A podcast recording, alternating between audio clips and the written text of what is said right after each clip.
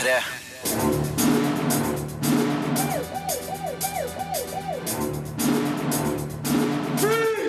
Filmpolitiet! What's your name, dude? Birger Vestmo. Kind of stupid name is that? Årets siste norske kinopremiere er òg den mest rølpa. Jeg anmelder Kill Buljo 2, mens hovedrolleinnehaver Stig Frode Henriksen og regissør Vegard Hoel skal fortelle om innspillinga i Thailand. Premierefilmene Prisoners, Fortiden, Walking with Dinosaurs og TV-serien Top of the Lake skal òg anmeldes, samt Lars von Triers kommende sjokkfilm Nymphomaniac. Og så skal du få min topp fem julefilmliste, og jeg skal slå mitt årlige slag for NRK3s lille julaftenvisning av Med Grim og Gru. Filmpolitiet anmelder film. Mitt navn er Jompa Tormann, og jeg er kok forbanna. Det aner meg at Kill Buljo 2 ikke blir en kritikerfavoritt. Men når jeg anmelder filmene, stiller jeg meg ofte et par spørsmål. Hva forsøker denne filmen å være, og hvor godt lykkes den med det? Kill Buljo 2 forsøker å være en skamløst rølpa crazy komedie, og lykkes med mye. Den geniale plakatsetninga 'Alt er bedre i toeren' signaliserer med all tydelighet hva denne filmen er ute etter. Den vil formidle den typen humor du kanskje ikke vil innrømme at du har. Det gjelder også for meg, men jeg må innrømme at jeg syns det her var morsomt nok. Jeg skulle gjerne hatt en unnskyldning til å le oftere og råere, men filmen leverer i hvert fall det forhåndsomtalen lover. For to dager siden så mista hele reinflokken min. Det var ikke det verste. De tok faen ikke kjøttet engang. De tok alle gevirene og osa til Thailand i hundre helvete. Nå er jeg her for å få min hevn. Jompa Thormann, spilt av Stig Frode Henriksen, blir rasende når hans reinsdyr massakreres og hornene blir stjålet. Han følger sporet fra Finnmark til Thailand, der han oppdager hvorfor reinsdyrhorn er ettertrakta vare. Dessuten er politimannen Sid Wisløff, spilt av Tommy Wirkola, tilfeldigvis i landet, og blir innblanda i Jompas kamp for hevn mot den skruppelløse Padda og hans kriminelle gjeng. Han møter òg mystiske Anniken Skywalker, spilt av Ingrid Bolse Berdal, som kanskje ikke helt den hun gir seg ut for å være. Thailand-katten. Eneste plassen i verden med mer klamydia enn Finnmark. Historien er alt annet enn sofistikert, som òg er i høyeste grad tilsikta. Det kan virke som om Tommy Wirkola og Stig Frode Henriksens 14 år gamle alter egos har skrevet manuset, og fått en par år eldre Vegard Hoel til å regissere. Og det kan nok virke i overkant barnslig. Figurene har navn som Blake Carrington, Obi-Wank Chernobyl, Tante Hasj og Major Tits. Humoren spinnes ofte rundt kroppsvæska og de edlere deler i ulike sammenhenger, uten at de blir eksponert. Kanskje burde filmen latt puppa, pikka og rumpa bølge over lerretet i beste Lars von Trier-stil. Har man sagt A, kan man like gjerne ta resten av alfabetet med det samme. Hei, baby, du eh, Du er ikke sitte og si meg omgang med småning her, og uh, tilfeldigvis er det sånn at jeg er jævla bleik på kuken. Kill Buljo 2 fungerer aller best når den parodierer andre filmer. Åpningsscenen er en morsom vri på åpninga av Cliffhanger. Et kjent TV-tryne er med i en Brokeback Mountain-inspirert scene, mens innslag av Kill Bill sjølsagt òg er parodiert, bl.a. i en treningssekvens med regissør Vegard Hoel i rollen som bartepryda mentor. Til slutt får vi et James Bond-inspirert oppgjør i Skurkens hule, som byr på flere flaue høydepunkt. Noe av humoren i filmen er dødfødt, men mye fungerer godt ut ifra forutsetningene. Du holdt på med, har, du lyst til at jeg skal bitchklappe deg rundt hele kvartalet? Er det det du vil? hæ? Kill Buljo 2 er langt bedre produsert enn forgjengeren, som jo var laga på et knøttebudsjett. Nå kan Jompa og co. breie seg i Matt Westons flotte scope-bilder, med fine kostymer og effektive kulisser på eksotiske innspillingssteder. Kill Buljo 2 vil kanskje ikke hale i land noen priser, men jeg syns det er helt greit å koble ut hjernen og la meg more av filmens teite påfunn. Og jeg visste utmerket godt hva jeg gikk til. Produksjonsselskapet Tappeluft Pictures er nemlig Norges fremste leverandør av denne typen trashfilm, og er dermed en nødvendig motvekt til all landets Molanda, Holstad, Jonssoner og Triera. Eh, Ikke skyt. Du dødsgrei hvis du ikke skyter. Terningkast fire. Filmpolitiet. På P3. Og før den låta hørte du min anmeldelse av Kill Buljo 2, som tar den nordnorske hevneren Jompa Thormann vekk fra det kalde Norge og til det varme Thailand. Eh, Andreas Opsvik har snakka med regissør Vegard Hoel og hovedrolleinnehaver Stig Frode Henriksen, og mm, spurt om eh, hvorfor de valgte mer sydlige strøk som innspillingssted, etter å ha spilt inn filmer som Død snø og Kill Buljo nummer én i kulda. Ja, det, vi, hadde jo, vi hadde veldig lyst til å ikke være på en kald plass og spille inn film denne gangen, for det har vi gjort mye. Så tenkte vi at eh, Thailand, der er god mat, og der er varmt, så prøver vi å legge handlinga dit. For to dager siden så mista jeg hele reinflokken min. Han tok alle gevirene og osa til Thailand i hundre helvete.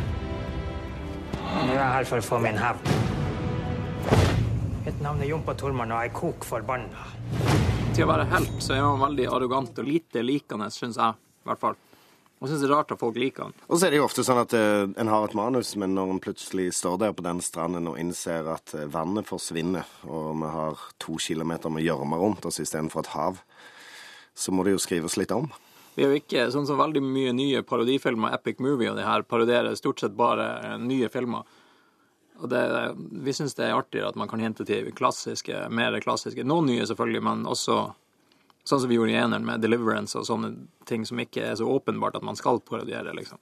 Ja, vi er veldig filmnerder alle sammen. Og så jeg er litt enig i at der, de store, veldig gode parodifilmene og sånn, det er i hvert fall på life support. Jeg har ikke sett så mye av det sjøl. Jeg vil egentlig si at eh, mye av det vi har, er ikke direkte parodi, mer en homasj. Ja, Sånn at vi, vi nikker til filmen mer enn at vi tar utgangspunkt direkte i den og gjør mer av det. Jeg ser det så mye på YouTube. Der gjør du jo det i ett bankende kjør, så du trenger liksom ikke gå på kino for å få akkurat det med deg. sin har vært en, en tanke for dere å, å, å gjøre det i den type format? da? Nei. Nei, altså, det er ikke stort nok. Håper jeg du vet hva du gjør. Jeg vet bestandig hva jeg gjør. Ja, jeg holdt på å skrive selvbiografien hans. Eh, Eller Jompa holdt på å skrive den. Jeg har ikke noe med den å gjøre. Han, er- han vet ikke helt hvem foreldrene er. og sånn. Han ble, når han var liten, så ble han funnet i en uh, inntulla i en gul prikspose i en kurv. Og den, sto, den kurven sto mellom to trygdeboliger i Kautokeino. Så de to naboene som bodde i de husene, sto og krangla om hvem som ikke skulle ta ansvaret for han. Og så Ei som heter Gratis Laila, tok det ansvaret for han når hun hørte at hun kunne få sosial stønad for å oppdra. Så det er en veldig tragikomisk, mørk historie. Er det, er det å vente en eh, origin story på film òg, eller er det Jeg, jeg vet ikke om vi finner noen unger som vi kan utsette for CGI. Ja, ja, for det, han hadde det tøft, altså. Men på en morsom måte, for dem som leste. Det fins et manus til en Kill Buljo 3 som tar hevnen tilbake til Norge. Hvis Kill Buljo 2 får sånn 250 000 på kino, så, så, blir, så blir det en treer, tror jeg. Hevn er jo som en triretter treretter. Ja, serveres varm med tunfisk. Ja, altså litt Tyttebær, multebær til dessert. Multebær til dessert. ja. Filmpolitiet. På P3. Gjengen bak Kill Buljo 2 er òg straks aktuelle med Død snø 2. Den kommer i februar neste år. Og denne gangen har de skrudd opp budsjett og forventninger, og de har òg utvida skuespillergalleriet med et par amerikanske navn, deriblant Martin Starr, som har rollen som leder for et amerikansk zombiedreperlag, og som manusforfatter Stig Frode Henriksen er stor fan av. Jeg var veldig løs på Martin Starr tidlig når vi skrev de Zombie Squad-karakterene. Jeg er veldig fan av han fra Freaks and Geeks. Jeg syns karakteren hans i Freaks and Geeks er en, en av de beste karakterene som har vært i en TV-serie noen gang. French kissing is gross. I wouldn't French kiss in a million years. And why the hell not? Hello, germs, spit, mucus, old bits of food. That's just to name a couple. There's a lot of things in Det er jo fint. altså Det, det er jo bare folk som òg har eh, god humor og eh, ikke noe spesielt eh, kravstore på andre ting enn at la oss ha det kjekt og moro. Jeg tror kanskje produksjonen måtte jo snakke med managere på en litt annen måte enn de kanskje er vant med. Men eksempel de hadde hørt at eh, Iceland Air hadde tilbud òg på flyseter som var to centimeter større enn de andre flysetene. Og det måtte alle de ha. De skulle liksom ha de største flysetene. Og de eksisterte ikke, men til slutt så sa de bare jo da, vi har fiksa de gode flysetene. Og så sa de topp stemning, og så fløy de de samme flysetene som alle de andre.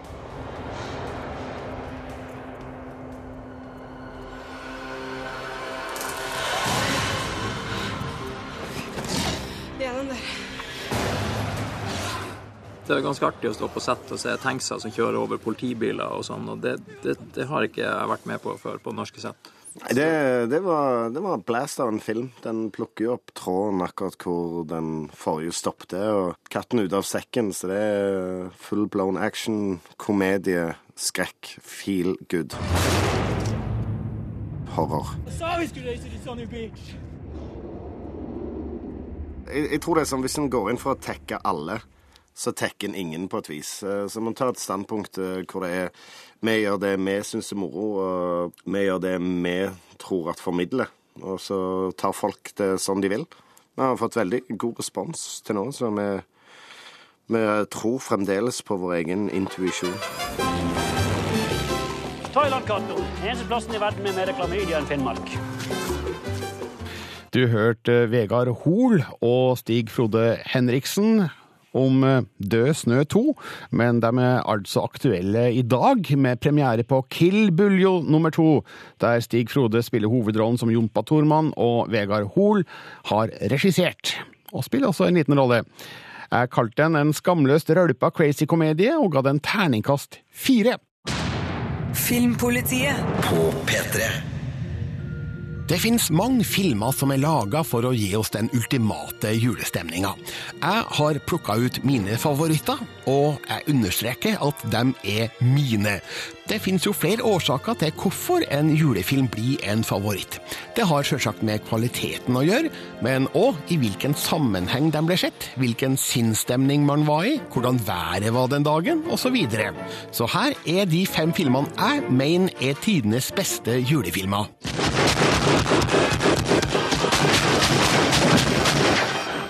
Do you really think you have a chance against us, Mr. Cowboy? Yippee-ki-yay, motherfucker. Die Hard fra 1988 er actionfilmen som definerte sjangeren i tiåret som fulgt, og gjorde Bruce Willis til superstjerne. Jeg innrømmer at det her kanskje ikke er den mest opplagte julefilmen, men faktum er at handlinga er lagt til jula, og den har et snev av julete temaer som familie, gjenforening og forsoning. Dessuten har en av filmens morsomste scener, en død skurk i nissedrakt, påmalt en beskjed fra John Maclean. Now I have a machine gun. Ho, ho, ho. What's this? What's this? There's color everywhere. What's this? There's white things in the air. What's this? I can't believe my eyes. I must be dreaming. Wake up, Jack. This isn't fair. What's this? Jeg kommer ikke utenom Tim Burton og Henry Seligs fantastiske juleeventyr The Nightmare Before Christmas. Denne filmen handler om Jack Skellington fra Halloween Town som snubler inn i Christmas Town. Der blir han fascinert av hele julekonseptet, som han likevel har litt trøbbel med å forstå. Dette er et deilig mørkt eventyr, fortalt med fantastisk stop motion-animasjon. Danny Elfman har laga grøsselig god musikk, og gir òg sangstemme til Jack Skellington.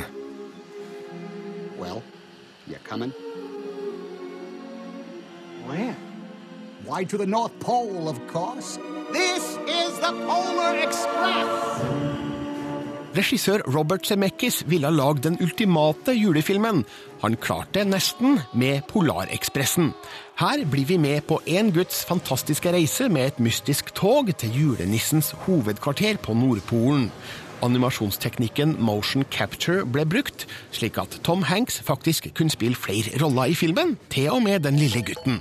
Noen vil nok oppfatte filmen som veldig overlessa av amerikansk julenostalgi, og det blir etter hvert fryktelig søtladent, men jeg liker det. Den her ser jeg med ungene hver jul.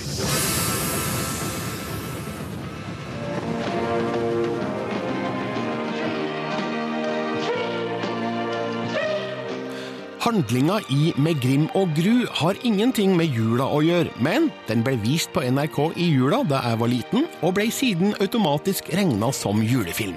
Det her er en rumensk-russisk-fransk koproduksjon, filma med bl.a. medlemmer av Bolsjoj-balletten i Moskva. Den ble innspilt simultant på tre språk, rumensk, russisk og engelsk. Det her er et flott filmeventyr med nydelig musikk. Nostalgien strømmer på hver gang jeg ser den. Kun den russiske versjonen av Med Grim og Gru er tilgjengelig på DVD per i dag, under originaltittelen Mama, men du kan når som helst se filmen i NRKs nett-TV på nrk.no. Er det ikke tante Fose i egen person? Kan du la være å skrike slik? Gå vekk med deg, du forskammede bavian!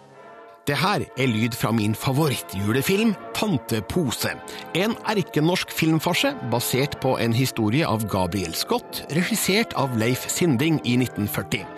Under julefeiring hos sorenskriver Bals blir det intriga når to av husets døtre blir hemmelig forlova med to besøkende studenter, samtidig som huset får julebesøk av den bistre tanta, Blanka Bals, spilt av Henny Skjønberg, som går under navnet Tante Pose. Jeg syns det her er en fantastisk koselig film med ekstremt julete stemning, til tross for at mesteparten er innspilt i Norsk Films studio på Jar. Tante Pose må jeg se hver jul, ellers blir det ikke jul. Guds død, kneppkakene. Kneppkakene menneske. Du har vel aldri understått deg til å røre kneppkakene også? Vil du la være å sikte på meg med de motbydelige pistolene? Ditt utyske! Filmpolitiet anmelder film. Happy Thanksgiving. Happy Thanksgiving. Anna, wait until we're invited. Oh, for God's sake, Keller, get the hell in here. Foreldres verste mareritt blir virkelighet i den amerikanske thrilleren Prisoners. Det her er en godt spilt spenningshistorie som leker med mine evner til å forutsi handlingsforløpet, samt inviterer meg til å stille meg sjøl ubehagelige moralske spørsmål. Hvor langt er jeg villig til å gå for å redde mine barn? Forhåpentligvis slipper jeg å finne ut det, for svaret denne filmen gir er forstyrrende ukomfortabelt. To små venninner forsvinner fra et rolig nabolag på thanksgiving.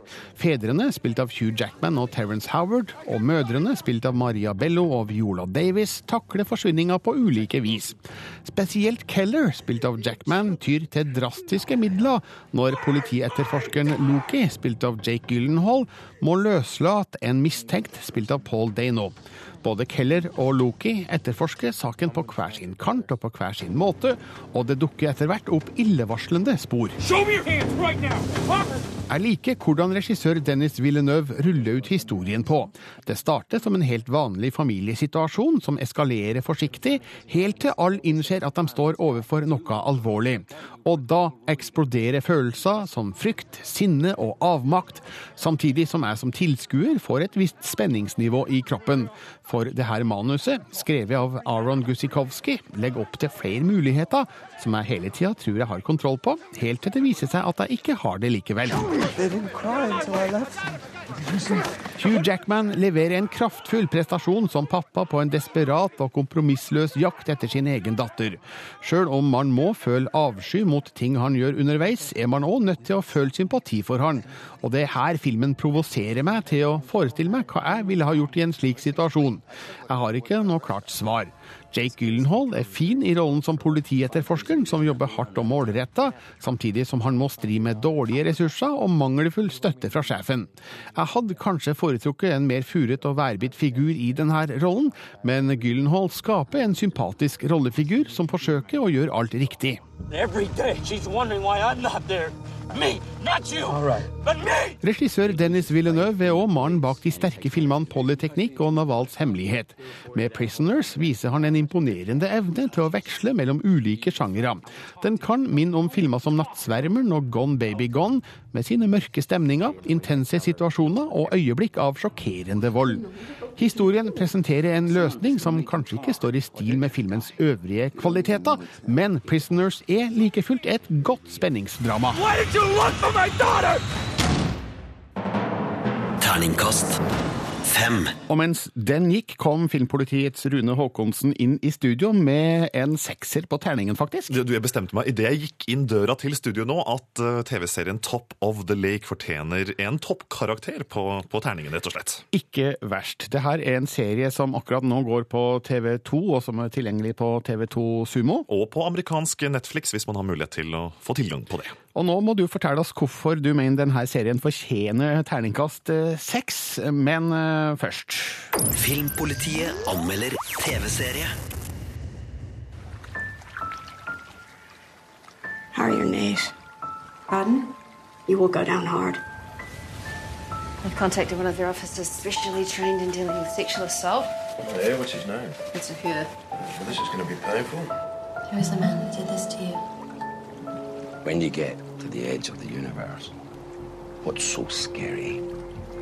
A lost little girl with a secret growing inside. Who are you? Are you dead or alive? We're a small town. We all know no one can hide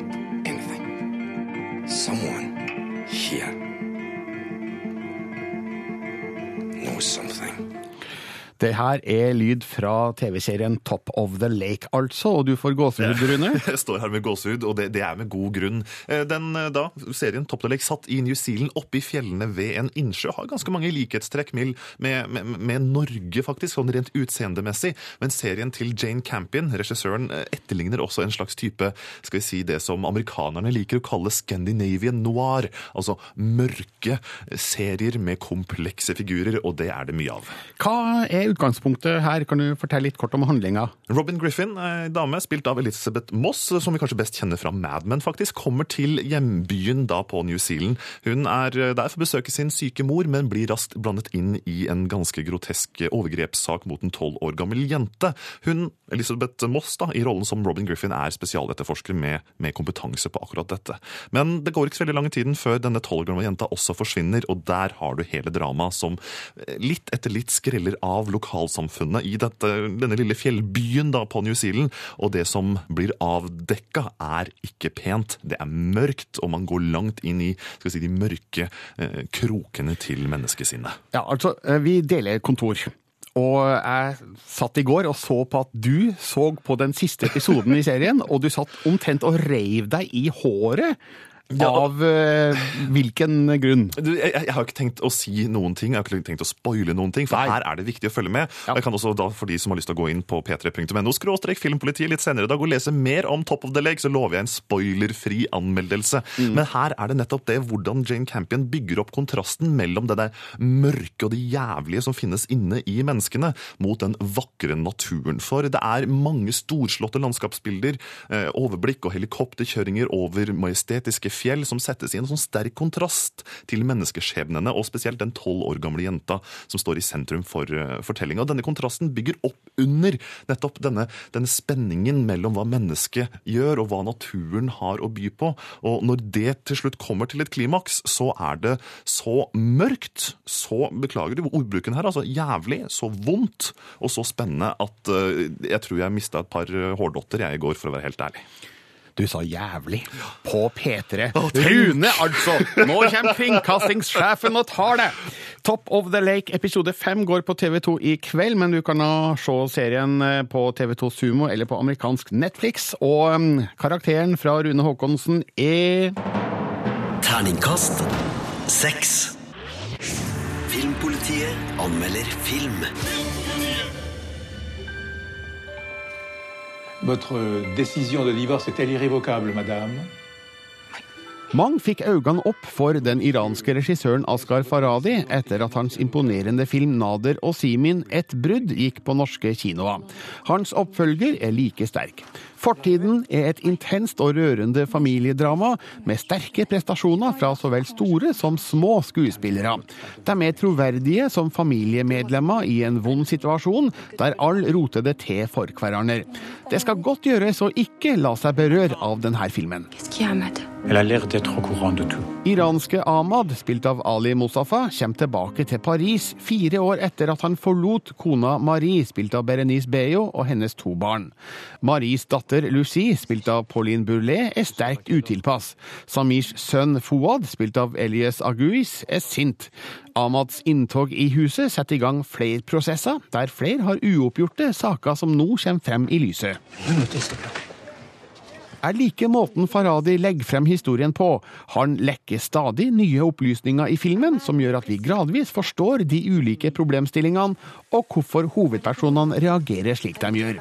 Det er smart og intelligent historiefortelling som gjør filmopplevelsen større, bedre og mer interessant. I denne filmen er det dessuten mange tråder å følge, med flere intriger i gang, men Faradis kloke regigrep gjør det svært enkelt å holde følge. Hva er det. Filmen skildrer dessuten mekanismer i en splitta familie som burde være lett gjenkjennelige også for norske seere. De voksne sliter med humørsvingninger og depresjon, mens barna mangler et fast anker i tilværelsen. Farhadi har fått frem noen svært gode barneskuespillere i avgjørende roller, og det er leit å se hvordan deres tilværelse formørkes av de voksnes krangler og feider.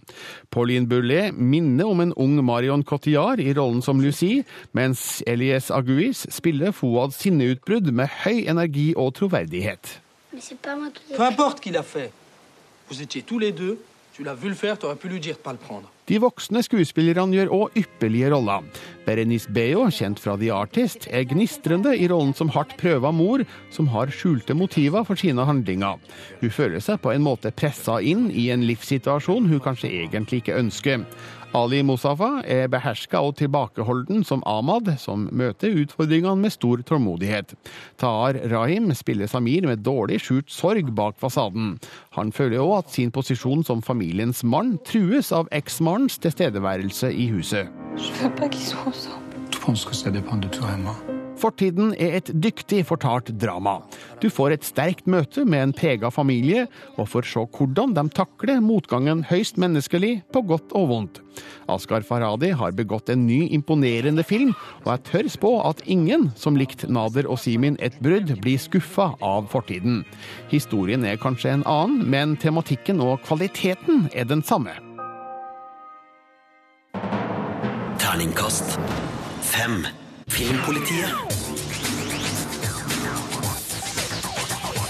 Filmpolitiet.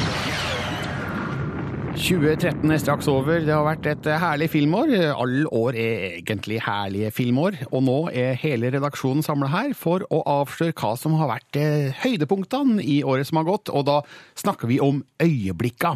Altså, det er ikke nødvendigvis de beste filmene, men de tøffeste morsomste, skumleste øyeblikkene vi har opplevd i kinosalen i 2013. Andreas, Marte og Rune er her. Hallo. Hallo, hallo, hallo. Skal vi starte med, med deg da, Andreas? Det kan vi godt gjøre.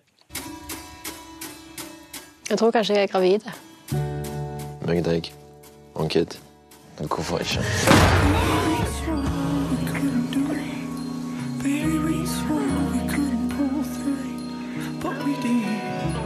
Hva har du å leve av? Selveste Andreas Hatzel Opsvik, hva var det her? Dette var et lydklipp fra filmen, den norske filmen 'Eventyrland' fra regissør Arild Østin Ommundsen. Og det er spesifikt ett øyeblikk her, som er da um, filmens hovedperson, Jenny, som har uh, mista alt, uh, men likevel har et håp om at alt skal bli bedre. Ta, tar og kaster gifteringen sin ut i et tjern, altså ut i en sånn myrtjern, liksom fullt av Det, det bare gjørme der. Du kan ikke se bunnen. Eh, Men så plutselig ombestemmer hun seg og kaster seg ut i myrtjernet og da graver i dritten for å finne fram igjen denne heftringen. Og det syns jeg er et enormt sånn, sterkt øyeblikk, som òg representerer hele filmen eh, som en helhet. Eh, egentlig veldig bra på måten hun da gra graver i dritten for å finne den ene tingen som skal gjøre livet hennes bedre. I det hele tatt en uh, særs vellykka film det her, laga på eh, sparebudsjett. Ja, eh, det må jo sies at da, eh, hun, Silje Salomonsen, som spiller Jenny, er eh, kona til regissøren av filmen. Eh, Og det var òg hennes egen, de to, sin giftering, som, sin faktiske giftering. På ordentlig, liksom? Ja, på ordentlig. som hun gravde etter i gjørma. Så det, det kan jo kanskje forklare eh, at hun mm, fikk motivasjon da, til Det å vise desperasjon her. Det var kanskje årets uh, antiøyeblikk, da Silje Salomonsen ikke ble Amanda-nominert for denne hovedrollen, men det er vel en, en annen sak. Terningkast fem fikk Eventyrland av oss i Filmpolitiet. Veldig fortjent, og sjekk den ut på Blu-ray eller DVD om du ennå ikke har sett den. Årets filmøyeblikk, Marte Hedenstad. Skal vi høre på det? La oss gjøre det. Un jour, tu vas sortir de mon ventre, c'est sûr. Alors, il faut que je commence à te dire comment je suis devenu soldat avec les rebelles. Écoute bien quand je te raconte mon histoire. Parce que c'est important que tu comprennes c'est quoi la vie de ta maman avant que tu sortes de mon ventre. Som Jack Skellington sier i A Nightmare Before Christmas. What's this? What's this?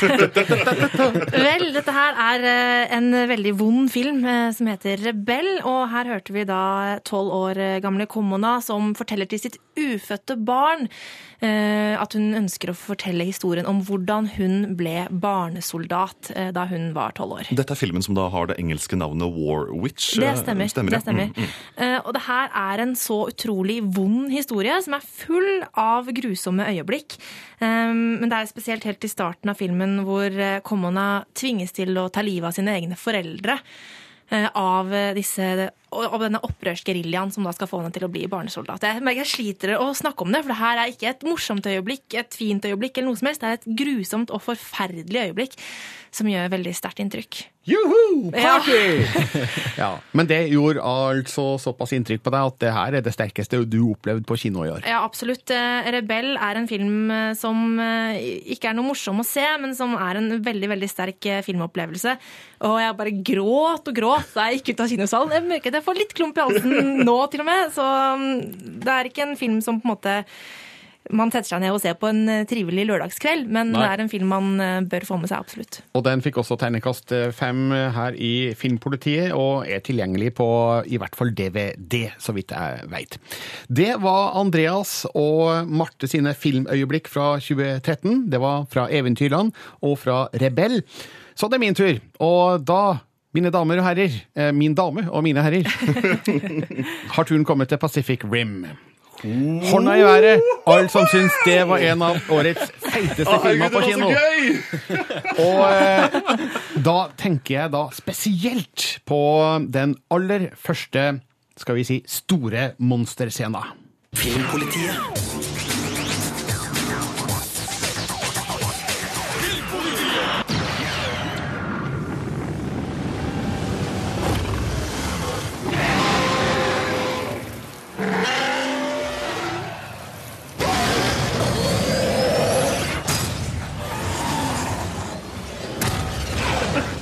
Altså, Man hører jo på lyden at det her er svært. Vi er i et frådende hav. Opp av eh, vannmassene dukker et enormt monster opp, en såkalt kaiju. Og så møtes det av et enormt robotmonster som styres av eh, bl.a.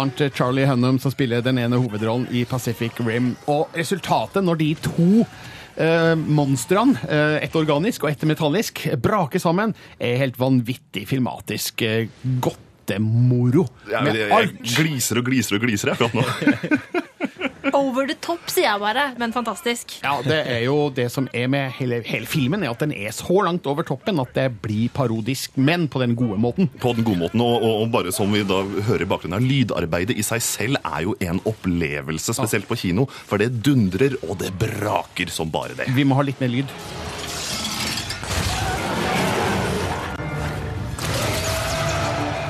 Helt ekstremt. Men eh, altså, den første slagscena i Pacific Rim, da fikk jeg ståpels, altså. Da skjønte jeg at eh, ja, de neste to timene blir veldig morsomme, og det ble de også. Så det var mitt eh, morsomste filmøyeblikk fra 2013, Pacific Rim. Eh, Rune Håkonsen, nå skal vi over på, på deg. Ja, En litt annen retning rett og slett skal vi nå, for vi skal inn i, tilbake til Skandinavia. skal vi for det første. Og vi skal ikke minst til da eh, Sverige, og til, eh, til biografifilmen om den svenske jazzartisten Monica Zetterlund. Hun eh, var jo en, en, en slags type eh, vi hadde jo Radka Tonev eh, i, i Norge, eh, som kan, kunne på en måte være en slags lignende eh, parallell. Men Radka Tonef døde altfor tidlig. Monica Settelund hun og, ble en internasjonal stjerne og veldig elsket i Sverige. Men på starten av 60-tallet reiste hun også til New York og møtte mange av verdens største jazzartister. Og det ene øyeblikket som kanskje har satt seg aller sterkest hos meg i år, er eh, øyeblikket da hun sammen med pianisten Bill Evans spiller konsert i New York som direkte overføres til Stockholm, hvor faren sitter bitter og lei seg hjemme fordi at datteren har reist ut i verden. Så har du denne lille scenen da, i denne baren i New York, hvor Monica Settelund holder på å gjøre seg klar for å spille, mens faren sitter hjemme og gråter og hører på radio at datteren endelig har klart å slå igjennom og gjort det stort. Og når hun da i tillegg synger den fantastiske sangen 'Lucky to be me', så reiste igjen pelsen seg hos meg i litt annen vis enn hos eh, Pacific Rim-opplevelsen, for å si det på den måten. Men det er så fantastisk vakkert å høre. Og tårene begynte å trille. Og det gjorde det jo egentlig hos meg også, da jeg satt i kinosalen og kunne se hennes endelige gjennombrudd.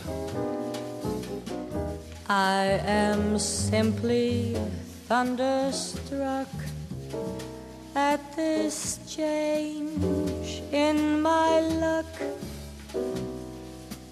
Knew at once I wanted you. Never dreamed you'd want me to. Også på den sprakete radio i Stockholm satt altså far og gråt mens Monica Settelund sang med stjernene. Og for et øyeblikk! Og ikke minst så må jeg bare da også trekke fram Edda Magnusson i hovedrollen som Monica Settelund, for wow! Hun lever og ånder nettopp Monica Settelund, og jeg mener at hun burde få alle skuespillerpriser som finnes i hele verden, men nok om det. Og det var våre filmøyeblikk fra 2013, men det her er ikke nødvendigvis eh, de filmene vi syns var aller best. Den lista fins på p3.no slash filmpolitiet, og skal også presenteres eh, på P3 på søndag, Marte? Ja, det stemmer det. Da skal vi gå gjennom alle de ti filmene i Søndagsmorgen eh, fra klokka halv ti. Filmpolitiet anmelder film.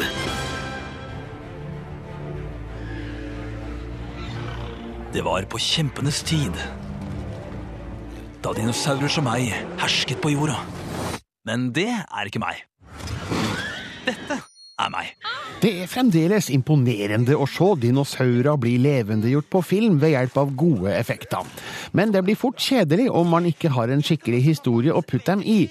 Walking with Dinosaurs 3D er vakkert filma og har gode digitale skapninger i flere størrelser.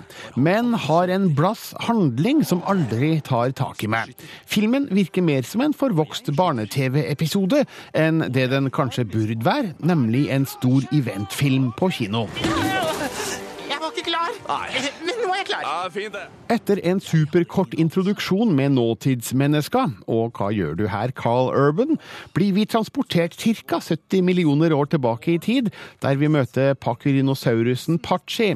Vi følger hans første migrasjon med resten av flokken gjennom utfordrende natur, skumle møter med farlige kjøttetere og en intern maktkamp om lederplassen i flokken, samtidig som Pachi forelsker seg i dinosaurpiken Juniper. Kom igjen, pappa! Vis dem hvem som er sjefen! De her pakurinosaurusene kun har vært med i en istidfilm. De er tillagt menneskelige kvaliteter og snakker som om de kommer fra en nåtidskultur. Det er nok ment å gjøre dem tilgjengelige for de minste kinogjengerne, noe som fungerte godt med dyra i istidfilmene. Men her virker det litt anstrengt, delvis fordi dinosaurene ikke har noe særlig ansiktsmimikk. Filmskaperne har kanskje vært redde for å fjerne dinosaurene for langt ifra det bildet som vitenskapen har gitt oss av dem. Folkens, det er ikke trygt! Vi må gå tilbake! Kom her, lille venn. Jeg har det. Ah, sånn. Det blir aldri direkte spennende å følge Pachis reise.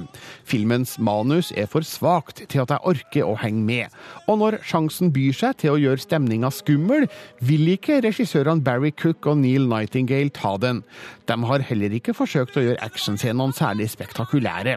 Filmens opphav er en BBC-serie fra 1999, der dinosaurlivet ble simulert gjennom digitale effekter, og det kan se ut som at regissørene tar en mer realistisk tilnærming til dinosaurenes oppførsel og framferd. Det er sikkert paleontologer glade for, men jeg som kinogjenger hadde gjerne sett at dinosaureffektene ble brukt til noe mer spennende. Hele verden rundt meg skulle forandres. Walking with Dinosaurs 3D er ekstremt flott fotografert i virkelige omgivelser. Dinosaurene er troverdig plassert inn i de her bildene, og 3D-effekten er velgjort. Rent teknisk er det her altså flott å se på, men fortellerteknisk syns jeg ikke den holder mål. Spektakulære bilder behøver en matchende historie. Det har denne filmen dessverre ikke. Jeg ser heller en viss eh, annen dinosaurfilm fra 20 år tilbake i tid, som er mye bedre. Walking with Dinosaurs. 3D-filmen. Terningkast tre. Da skal det handle om Lars von Triers Nymphomaniac. Filmpolitiet anmelder film.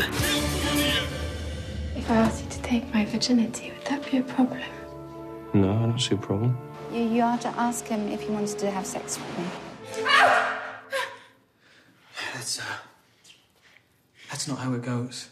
Most people don't scream until they hit the...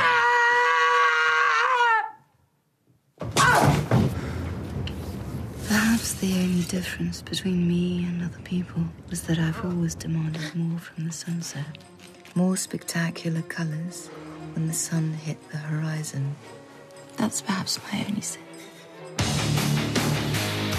Lars von Triers Nymphomaniac der altså, som har norgespremiere 24. januar. Men du, Rune Haakonsen, så filmen i København for to uker siden. Ja, og ut fra det lydklippet her så kan det jo virke som en ganske så kryptisk filmopplevelse. Noe som til dels stemmer, for jeg må jo innrømme at jeg ikke har sett en lignende film eh, kanskje noensinne, altså. Da, du var i København, fikk du en så, såkalt embargo som gjorde at du ikke fikk lov til å si noe som helst om filmen før 17. desember, og nå er det 20. desember, så nå har du lov. Ja, nå kan jeg snakke fritt om det, og for en film! Det er jo vært veldig mye omtale i forkant av nettopp denne fokuset på sex og usimulert sex, og det er liksom Hollywood-stjerner som Shia LaBeouf med og sånne ting. Men i bunn og grunn så er alt dette mediefokuset i forkant eh, selvfølgelig bidratt til at filmen har fått mye omtale, men det er jo ikke det det handler om, og den sexen er jo ikke så sjokkerende, egentlig. Altså, det er ikke en pornofilm egentlig heller? Nei, Lars von Trier har laga en, en, en utrolig unik skildring av ei kvinne som jeg ikke har sett på filmlerretet før. Nærmere bestemt en sexavhengig kvinne og hennes seksualitet eh, presentert gjennom åtte kapitler av, gjennom hennes liv, eh, delt opp i to filmer. For dette er også en ganske krevende øvelse hvis man skal se på kino, for vi snakker totalt sett fire timers spilletid her. Det høres blytungt ut, spør du meg. Er det det? Det er kanskje ikke en film for absolutt alle, men når jeg satt der, så, så, så, så må man jo også innse at Lars von Trier hele tiden kødder med deg.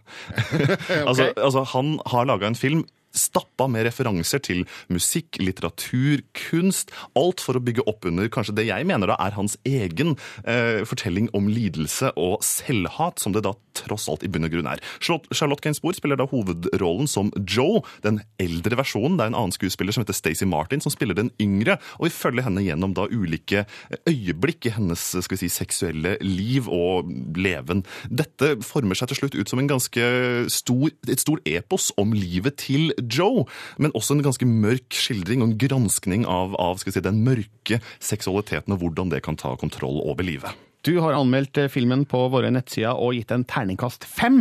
Eh, er det verdt å få med seg det her på kino når den har premiere 24. januar? Jeg mener selvsagt at dette er en film som er eh, unik nesten i norsk kinosammenheng. Og Lars von Trier overrasker jo gang på gang med filmene han viser på kino, med, med, med nye måter å, å, å, bøye og tøye på sjangergrepene som han bruker. Og det er veldig kult.